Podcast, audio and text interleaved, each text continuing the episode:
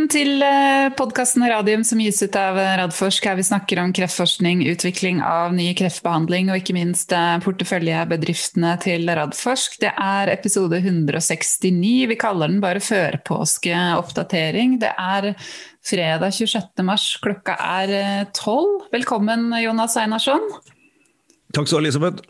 Er alt bra?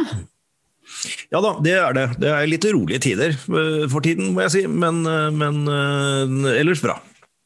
Sa du rolige, Jonas? U litt urolige. Det er litt ja, urolige ja. sånn både Jeg tror det er jeg sa, jeg sa, absolutt ikke rolige, jeg sa urolige tider. Det er litt, litt, både i finansmarkedet og i resten av verden med tanke på om det, vaksinene kommer tidsnok til å ta denne bølgen. Og, ja, det er, det er litt sånn litt, litt, litt, tenst, tenker jeg. Og alle er spent på hva skjer i, etter påske. Klarer vi å holde oss i skinnet, spesielt her i Europa og også i USA, eller får vi en ny smittebølge? Så ja, litt urolig. Mm. Ja, jeg ser den. Jeg skjønner eh, hva du mener. Og jeg, og det, jeg tror den nyheten som har opprørt meg egentlig mest av alle sånne koronarelaterte nyheter denne uka, her, er at det er så mange som planlegger å reise til utlandet nå i påsken. For den tanken har virkelig ikke slått meg. Da merker jeg at jeg ble litt sånn paff. Ja, det er, det er, skuffende, men altså, vi har holdt på i over et år. Folk er lei. Og når du da har nestlederen i Arbeiderpartiet og vår egen statsminister som eh, det nesten ikke fins en unnskyldning for eh, Det er rett og slett for sløvt, og at ingen, ingen ropte opp og sa at begge, begge, to at dette må dere ikke gjøre. og Det, det gir en knekk i tilliten til det norske folk som må, må komme tilbake igjen. Altså. Og Det er jo for så vidt greit at man da straffer seg selv med å ta asyl i Oslo istedenfor å dra hjem til Bergen, men, men nei, det, det, det, der kjente jeg sjøl at jeg sånn, litt sånn knyttneve i magen. Det var unødvendig. Ja, ja. Nei, vet du hva, der, jeg, jeg, der, tror jeg reagerte litt annerledes enn, enn folk flest. Jeg ble kjempeirritert på de arbeiderpartipolitikerne som rett og slett tok seg en fest, liksom. Midt i Bodø som var masse smitte. Men, men akkurat den greia med Erna, den har jeg ikke klart å hisse meg opp over i det hele tatt, altså. Det, hun skulle ikke gjort det, men altså, jeg hadde ikke visst at hvis du hadde vært mer enn ti på en restaurant, så var det et arrangement. Det tror jeg ikke det er mange som veit. Nei, men det blir litt sånn flisespikking i forhold til brøt man en anbefaling eller en uh, forskrift. Uh, og, og, altså, vi, vi, vi, de aller fleste av oss ville vil ikke samla 14 stykker til en seksårsfeiring nå, rett og slett. altså. Nei da, det er jeg helt enig i. Jeg har ikke ikke slått ut tanken engang. Jeg har jo ikke hatt besøk her sikkert på tre kvart år, så det Skal man møte folk nå, så får man møte folk ute med ah, ja. en uh, god avstand. Men du, ja. det har skjedd uh, ting uh, siden sist. Um, skal vi se, nå skal jeg bare se litt på notatene mine hvor vi skal begynne. Vi kan jo egentlig begynne med den Edison-analysen av Ultimovax. Dette her er jo en sånn Eh, analyse av Ultimovax som de selv har bestilt.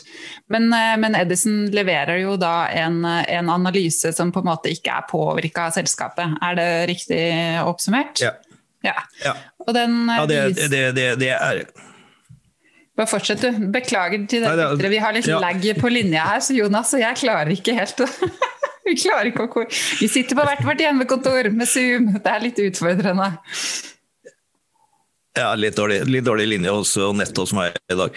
Nei, men det, det, det er helt riktig. Altså, dette er jo ikke en analyse som er, er gjort f.eks.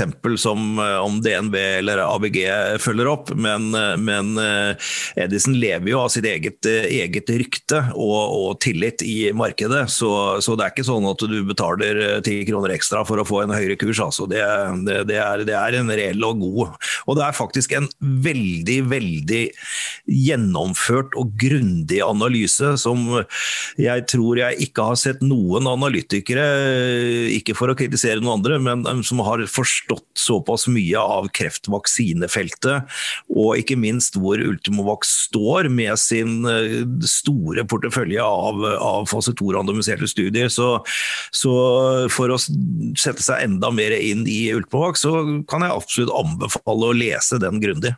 Mm. Og Fordelen med den rapporten her fremfor sånn som du sier, eh, meglerhusene sine analyser, er jo at dette er jo en offentlig rapport. Og den blir jo brukt da globalt eh, av potensielle investorer, ikke sant. Når de skal kikke Ja, på, på. Ultimax. Ja. Eh, Et par andre ting jeg la merke til ved den, var vel at eh, de gir eh, Ultimax en mye høyere verdivurdering enn, den har, enn selskapet har i markedet. Og så sier de vel også at dersom dataene fra fase 2-studiene er bra, så mener de at det er gode muligheter for en avtale med et stort farma i 2024. Ja, det, det, det gjør det jo. Det er det vi, vi i selskapet tror og håper på. Men, men uh, it's all in the details, så, så det er dataene. Altså det, er, det er klart at hvis de blir uh, veldig bra, så, så, er mulighetene store. Blir det sånn så der, så er mulighetene mindre. Så, så det gjenstår å se hvordan dataene blir. Så det er litt sånn å investere i Ultimax er litt om du, du tror ut ifra de dataene vi har presentert så langt, om det er en god nok indikasjon på at du tror at faktisk at de også holder seg i større studier. Og Det er jo alltid utfordringen. Eh, Små studier, eh, gode resultater som peker i riktig retning, lar de seg gjenskape i en setting med randomiserte studier. Det er jo det vi står overfor, og det er jo det som er spenningen her. Ja. Um, videre så har jo Nordic Nanovektor gjennomført en såkalt reparasjonsemisjon. De har hentet inn litt over 60 millioner kroner. Um, hva Ja, tenker du om den det? er vel, er vel Er den ute Uh, jeg, tenk, jeg tenker det er kjempefint. Ja, jeg tenker ja, nå, nå, nå, legger vi litt her, men det går bra. Eh, nei, eh, jeg tenker at det er kjempefint hvis de får inn 61 millioner til i eh, kassa. Eh, det er jo avhengig av kursutviklingen nå i, eh, i tegningsperioden. Eh, om folk velger å tegne seg eller ikke. Den har vel vaka rundt, rundt den kursen nå, så det er litt sånn Hvis folk er interessert i å kjøpe aksjer i Nordic Nanovektor til den kursen nå, så, så håper jeg jo de heller tegner seg i reparasjonsemisjonen enn å kjøpe i markedet, for da går jo faktisk de penga inn på kontoen til, til Nordic Nanovektor. Så vi, vi, vi får se hva, hva resultatet blir. Den er, den er åpen og ute. Mm. Hvor lenge til er den åpen? Uh, nå husker jeg ikke det, men det er, eh, jeg tror det er til over påske, uten at uh, Ikke ta det for god fisk at jeg har sagt det, men, men jeg, jeg tror den er åpen en stund til. Ja, skjønner. Da får folk eh, gå inn og sjekke på Nordic Nanovektor sine nettsider. Eh, og så har de jo ansatt eh, ny sjef. Ja. Det, det, har de gjort, eh, og det får vi tro at de nå har brukt eh, såpass lang tid. eh, At de har funnet den rette personen som både kan ta selskapet i en viktig fasen den er inne i, men også en som forstår både det, det norske og nordiske markedet, som vel kanskje ikke har vært helt innertier ved, ved tidligere si år. Så jeg er veldig spent på det. Så sier de ikke noe om Lars Nibe, eh, så vidt jeg kan se, men, men jeg går da ut ifra at han da fortsetter i sin, eh, i sin tidligere rolle, eh, og allikevel har den kompetansen å, å bringe med seg, som vi jo skjønte spesielt ut fra den podkasten vi hadde, at det er en fyr som vet hva han driver med. Så hvis han blir nå supplert med en, en ny CEO som, som kan ta dette skrittet, så ja, det ser, det ser bra ut, syns jeg. Um, I den pressemeldingen som er sendt ut fra selskapet om dette, her, så takker jo uh, Jan Egeberts, altså styreleder, uh, Lars uh, spesifikt da, for den gode jobben han har gjort gjennom det siste året. Men det stemmer kanskje at ikke det står noe spesifikt om hans rolle videre. Men, um, men han Peter Brown, som heter, han har jo nylig track-rekord i forhold til at han har jobbet med å få en del altså målretta kreftbehandlinger på markedet, bl.a. Herceptin, da, som er ganske, ganske kjent. Så det blir spennende å se. Ja. Mm. Han starter jo da 6. april, så det er vel uka over påske allerede. Så da får vi prøve å få han i podkasten om ikke altfor alt for lenge, tenker jeg. Eh, og så I tillegg så har jeg fått med meg at Det hadde vært spennende, å få en prat med han. ja. I tillegg så har jeg fått med meg at uh, Photocure de driver og uh, gjør noe som ikke jeg kjenner til. Uh, altså De driver og kjøper tilbake sine egne aksjer. Dette må du forklare hva er og hvorfor de gjør det. Det skal jeg gjøre. Eh, hvis man leser eh, den, de børsmeldingene, for det er kommet flere, eh, nøye, så ser man hva som foregår. Det de, det de, gjorde, var at de måtte kjøpe tilbake en del aksjer for å få til dette med opsjonsprogrammet når de ansatte utøver sine opsjoner. Så er det litt kjøp og salg der, for de ansatte vil som regel ønske å utøve opsjonen sin, men så selger de en del fordi at de må dekke skatt Eh, og andre kostnader, eh, og så beholder resten. For å gjøre dette mye mer sømløst, og spesielt etter de nye MAR-reglene som er kommet nå, det gjelder alt som har med innsidekjøp og tilbakekjøp og alle sånne kommet veldig, veldig strenge og nye regler på, på det nå, så er dette en, en, teknisk løsning for å løse det. Eh, og hvis man leser de suksessivt, de, de pressemeldingene, så, børsmeldingene, så er det første at de starter tilbakekjøpsprogrammet, så allerede dagen etter at de allerede har gjennomført det de trengte å kjøpe, som da var mindre enn den limiten de hadde satt, og så at de aksjene igjen er kjøpt tilbake av de som har utøvd opsjonene sine, sånn at Fotokur per i dag sitter med akkurat like mange egne aksjer som de gjorde tidligere. Så dette er rett og slett en technicality for å få gjennomført eh, utøvelse av opsjoner, og ikke noe annet. Så det, det, dette, dette er, men det er første gangen dette gjøres på den måten, og da blir nok folk litt sånn what? Er, har ikke noe annet å bruke penger til enn å kjøpe tilbake sine egne aksjer, men, men som sagt en ren technicality og har ingen til ellers betydning. Ja, Positive er, positive, er jo, positive er, jo, at uh, den siste meldingen så, så ser vi jo at, uh, at, de ansatte har brukt det overskuddet som er av disse transaksjonene til å kjøpe egne aksjer. Mm.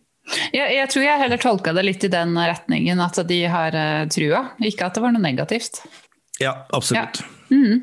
Men du, det vi skal ikke ha noe sånn veldig lang podkast i dag, og vi har ikke noen gjester. Men vi må bruke noen minutter på å snakke om den AstraZeneca-vaksinen og de eh, potensielle bivirkningene. Hva er det for noe? Ja, bare jeg, bare, jeg, nå, nå, prøver jeg å vinke til deg i videovinduet, sånn at uh, jeg kan ikke steppe inn i laggen. Dette blir en artig episode. Nei, det var bare én ting, ting, jeg ville si. Yes. En, en, ting jeg ville si, og det er en, egentlig en det er en beklagelse til, til, våre lyttere at jeg har kommet med feilinformasjon i, i, forrige episode. Eh, jeg sa at vi, og Patrick var for så vidt enig med meg, eh, at vi forventet resultater fra dette Kina-samarbeidet til eh, Targovax ja, ja. i mm. løpet av dette kvartalet. Eh, da fikk jeg en, eh, en, en, en mild irettesettende telefonsamtale fra Øystein Saug, som lurte på om jeg ikke hadde hørt på han på siste kvartalspresentasjon, hvor han hadde sagt at dette var utsatt eh, til ut september. Og Jeg unnskyldte meg med at han hadde jo ikke børsmeldt det, men jeg måtte jo da innrømme at jeg ikke hadde hørt hele presentasjonen hans. Så de har altså utsatt dette, og årsaken er at det tar tid med å få avklaring med de kinesiske myndigheter om de kan kjøre en storstilt fase 3-studie basert på det de har på, på dataer. Så, så, eh, vi forventer ikke noe melding om det før ja. påske. Skjønner. Da, da, var det ikke den eneste som hadde sovet i timen i den podkasten av de tre som var til stede. det tror jeg alle tre hadde sovet, sovet godt, for det hadde heller ikke jeg fått med meg. Men da er det bra at uh, eh, Mr. Saug tar opp telefonen og ringer, uh, ringer, inn, holdt jeg på å si. Det er vanskelig å ringe inn til oss, da, men ringer deg i etterkant. Um, hadde du noe mer? Nei, Elisabeth, jeg hadde ikke noe mer. Guri malla, jeg håper dette går an å høre på. Det er skikkelig lag. Bare å beklage.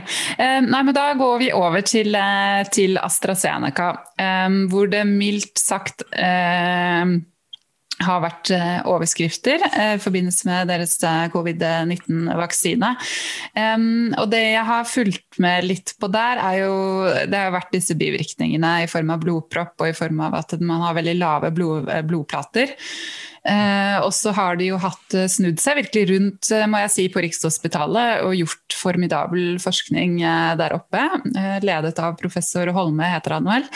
Eh, som da sier at dette kan skyldes altså at immunforsvaret overreagerer. Um, kan, fordi de kan ikke finne noen på en måte annen årsak. Og så er det jo veldig trist. Dette er jo da inntil nå altså tre, tre helsepersonell som faktisk eh, har mistet, eh, mistet livet pga. Eh, dette her. Um, og, det, og, nettopp fordi han sier at det er en sånn overreaksjon i immunforsvaret, det er jo altså vi som jobber så mye med immunterapi og immunforsvar. Det er derfor jeg tenker at vi må prate, prate litt mm. her. Jeg bare tenker, hva, hva har du fulgt med på her, Jonas? Dette har jeg fulgt uh, så nøye jeg kan, uh, fordi jeg syns det, som du sier, det er tragiske skjebner. Men, men uh, sånn rent vitenskapelig og, og, faglig så er det jo, er det jo veldig, veldig, interessant. Og jeg må jo si at jeg syns de, de, den gruppen på Rikshospitalet og de som har jobbet med dette, har gjort en fantastisk jobb så langt.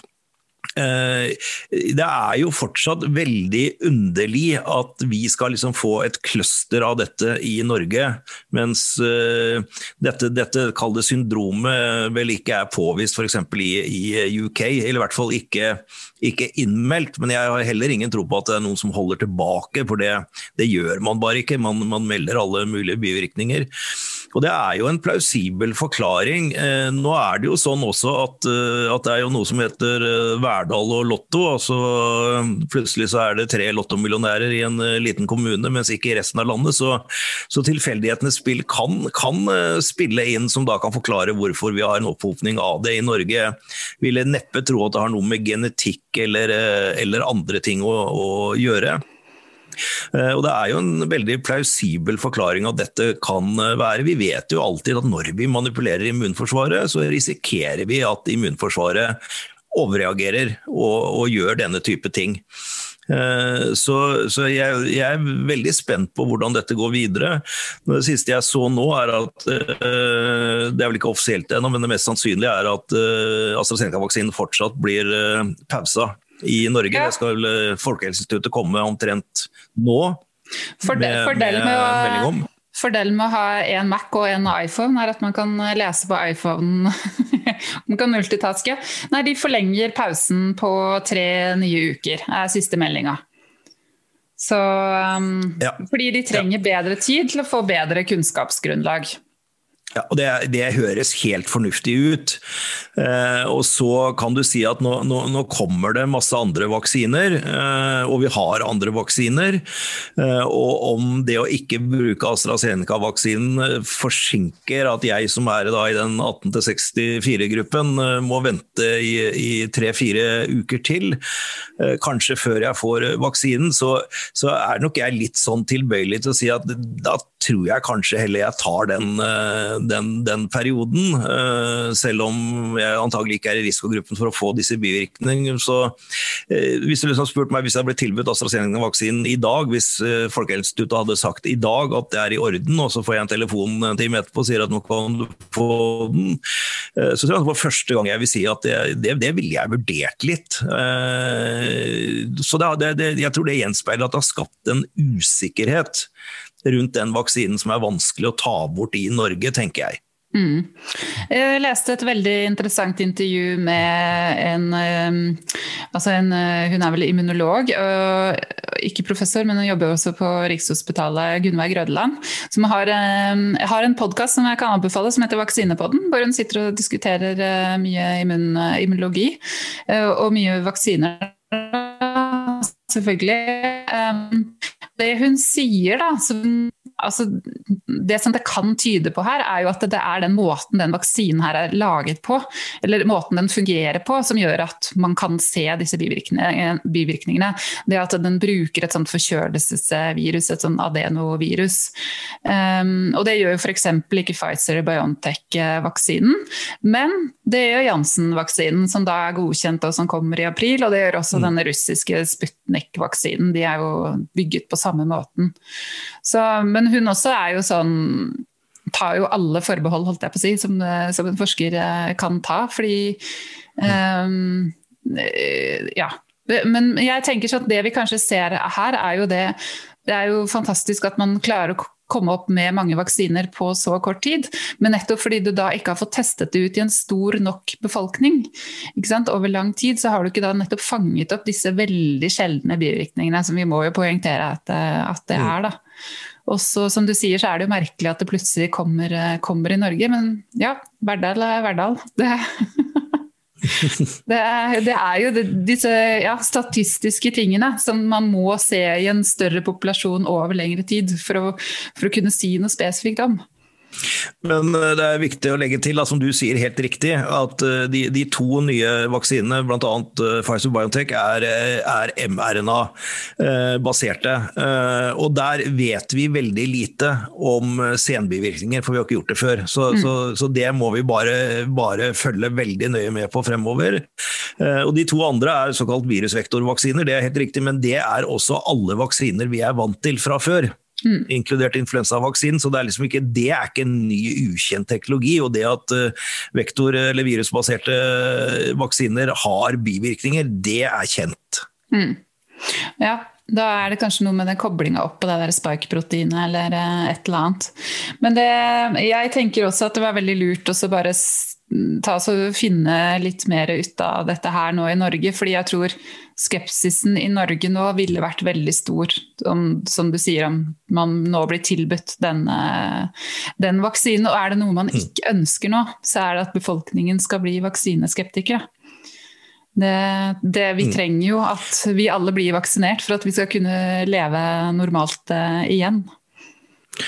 Ja, jeg, er, jeg, er, helt enig, Elisabeth. Og, og til alle altså at, at, at, folk blir usikre, det har jeg full forståelse for. Men til alle som er sånn prinsipielle vaksinemotstandere, og som nå sier 'hva var det jeg sa', så vil jeg si, si at det er nettopp det vi sa, at vi skal følge veldig nøye opp. Vi skal ta enhver bivirkning på alvor.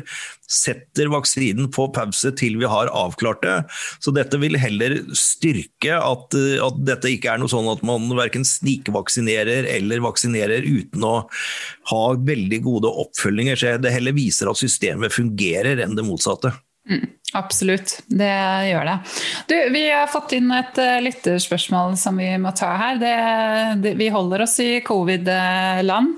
Um, det var, mange, det var så mange sånne forkortelser i det spørsmålet, så du må nesten hjelpe meg litt med å skjønne alle forkortelsene her også. Um, et raskt og veldig hypotetisk spørsmål. Hvor mye må ett mRNA forandres for å, for å leveres med da må det være Fimavac, Fimanak, istedenfor, og så er forkortelsen LNPR. LNP er eh, lipide nanopartikler, og det er det som brukes som leveringsteknologi i mRNA-vaksinene i dag. Det ser ut som det fungerer eh, veldig bra i, i denne type vaksiner, men har sine klare utfordringer i, i når man har prøvd å utvikle mRNA i, som kreftvaksiner, og spesielt intratumoralt. Så det er, eh, det er der eh, Fimanac-teknologien eventuelt kan, kan komme inn og være minst like god, om ikke bedre enn enn en LNP. Men, men akkurat i, i, disse vaksinene til, til mRNA-vaksinene til Pfizer Biontech og Moderna som har kommet nå, så ser det ut til å fungere, fungere bra. Eh, mm. Spørsmålet om hva som eventuelt må gjøres med mRNA, så takker jeg for tilliten at jeg får det spørsmålet, men det vet jeg ikke. Ja, du ikke, vet du ikke alt her, her i verden mellom himmel og jord? Nei. Nei, men det er jo enda, enda godt. Um, ja, det var, det var, det vi hadde i dag. Da går vi inn i påske. Er det noe, Venter vi holdt på tida? Nå vet, vi at Targovaks ikke kommer før i september, så det skal vi ikke gå og vente på i påska. i ikke.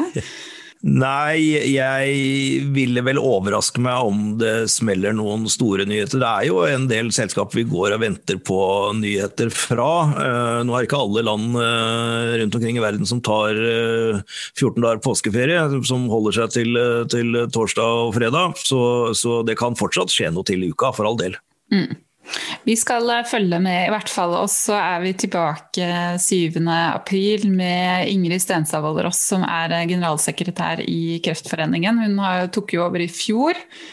Eh, etter Annelise Ryhl, som hadde da vært generalsekretær i det, Satt hun 18 år til slutt, tror jeg? ble jeg litt i stuss. Det var liksom mellom 17 og 20 Ja, år et jeg, jeg sted. tror hun ja, i hvert fall det, for jeg tror hun faktisk overtok som generalsekretær ett eller to år etter jeg begynte eh, Ja. i denne, denne jobben, som jeg begynte da i januar 2000.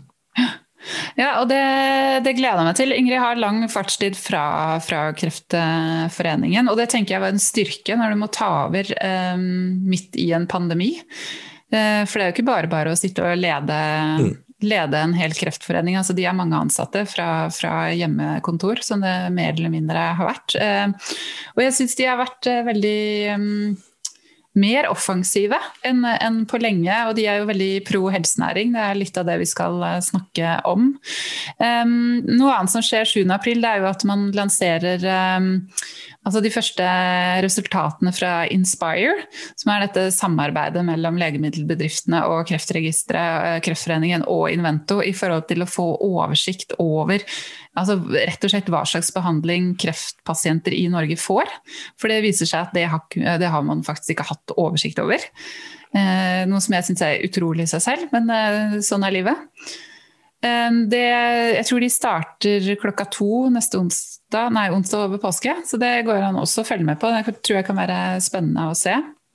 Og så tenkte jeg å nevne til slutt at eh, vi er jo såpass optimister at vi planlegger for eh, Arendalsuka. Det gjør vi. Eh, Vi, vi må jo. Altså, vi, vi kan ikke bare legge ned årene. Jeg er fryktelig usikker på om det lar seg gjennomføre, men, men lar det seg gjennomføre, så skal vi være der og være Ja. med. Men jeg ble litt optimistisk. Vi har jo begynt å mm, spørre folk om å delta. For vi skal jo bl.a. Ha, ha et seminar hvor, hvor vi samarbeider med LMI og Jansen og Novartis, som vi pleier. Og så sendte jeg en eh, mail til eh, Sigbjørn Smedland, eh, som er da Han leder vel hele kreftsatsinga på Oslo universitetssykehus. Ja.